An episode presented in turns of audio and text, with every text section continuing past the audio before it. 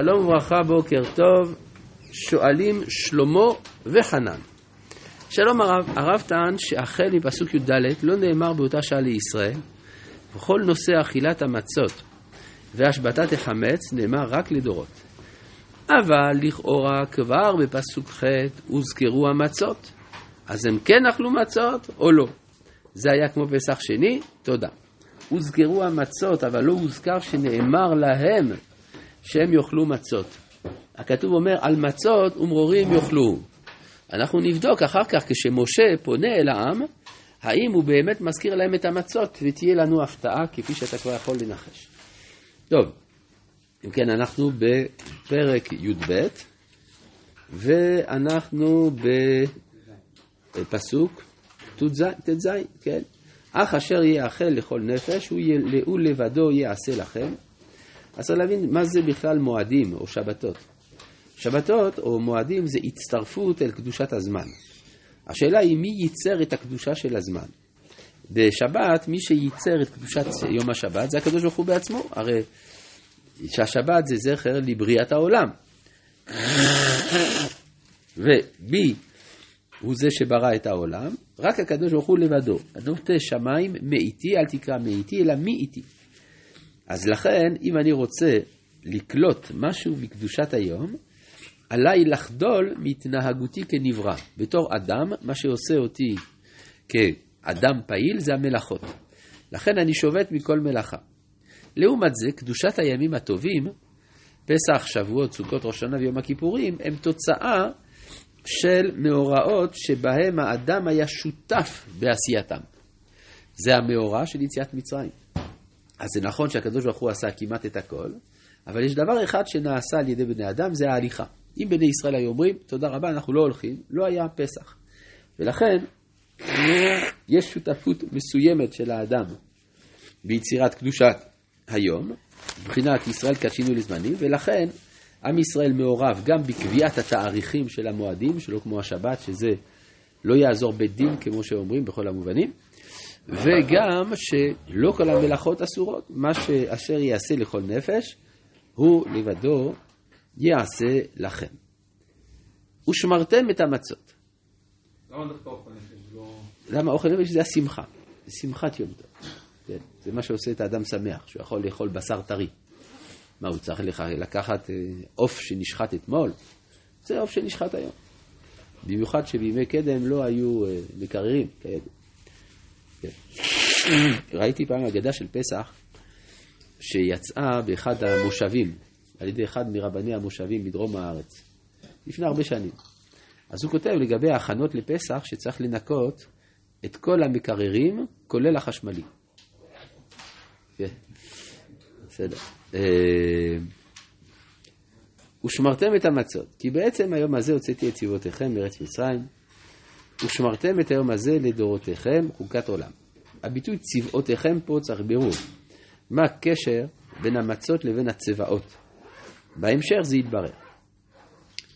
בראשון, בראשון הכוונה בחודש הראשון. בארבעה עשר יום לחודש, בערב תאכלו מצות. עד יום האחד ועשרים בחודש, בערב. הפסוק הזה סותר הלכה מפורשת.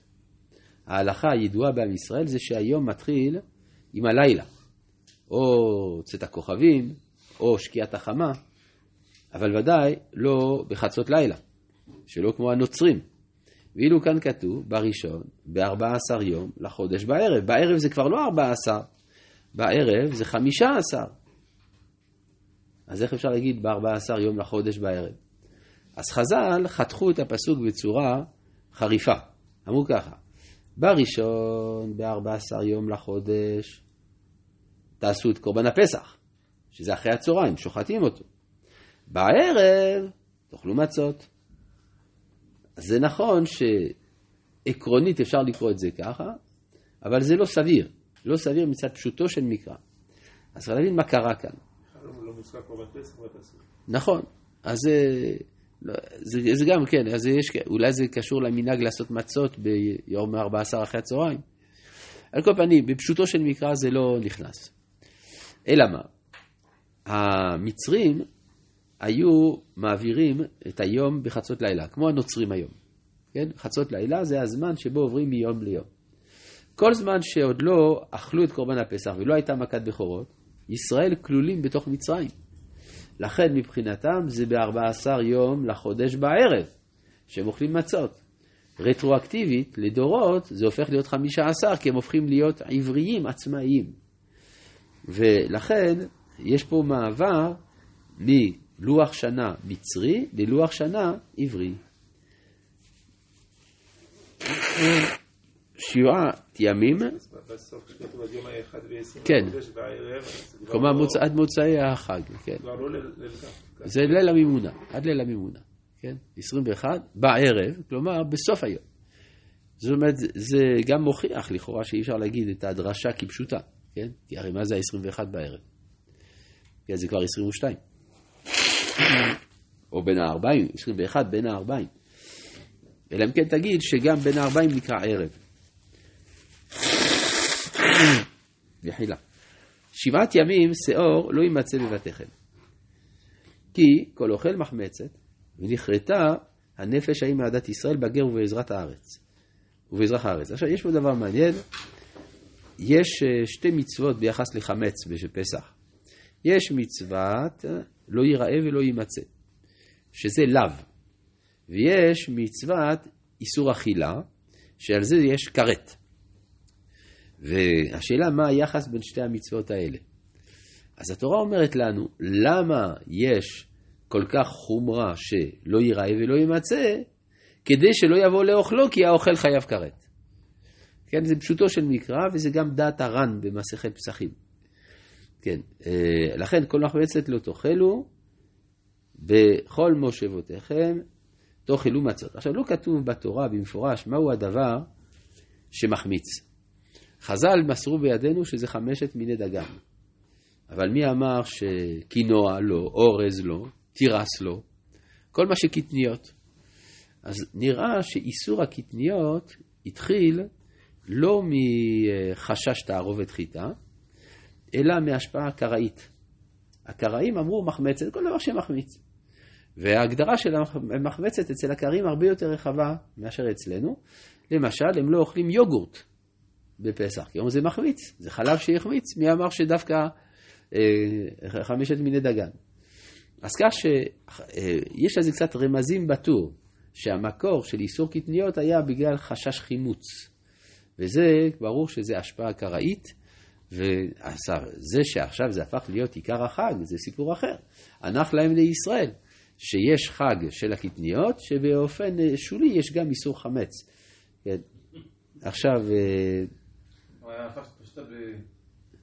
כן, עד כדי כך שקשה לפוסקים לבטל וכל מיני דברים כאלה. וגם אה, האיסור הקטניות נהוג כמעט בכל קהילות ישראל. ודאי אצל אחינו הספרדים וגם אצל אחינו האשכנזים. היחידים שלא נוהגים איסור קטניות זה יהודי המזרח, עיראקים, פרסים וכדומה. אבל בשאר קהילות ישראל נהגו איסור קטניות, אבל בדרגות חומרה שונות. כן, למשל בצפון אפריקה רק אה, קטניות יבשות, אבל הטריות כן אה, אכלו, שמן כן אכלו וכדומה. אה, ויקרא משה לכל זקני ישראל ויאמר עליהם. ראינו דרכם הרוחני מה? של אה, חימוץ. כן. אבל אתה רואה שאפילו כרבן יוחנן בן נורי אנחנו לא פוסקים. רבן יוחנן בן נורי אומר שאורז מחמיץ, והגמרא אומרת אין מי שסובר כרבן יוחנן, כרבי יוחנן בן נורי. אז ברור שאם חכמים אמרו שזה מותר, אז זה מותר. התז כותב שדבר שבמפורש התורה התירה, אין כוח בידי חכמים לאוסרו. זה דבר חשוב מאוד, לא, לא להתבלבל בדבר הזה. כן. ויקרא משה לכל זקני ישראל ויאמר עליהם, משכו וקחו לכם צאן למשפחותיכם ושחטו הפסח. האם מוזכר פה מצות? התשובה היא לא.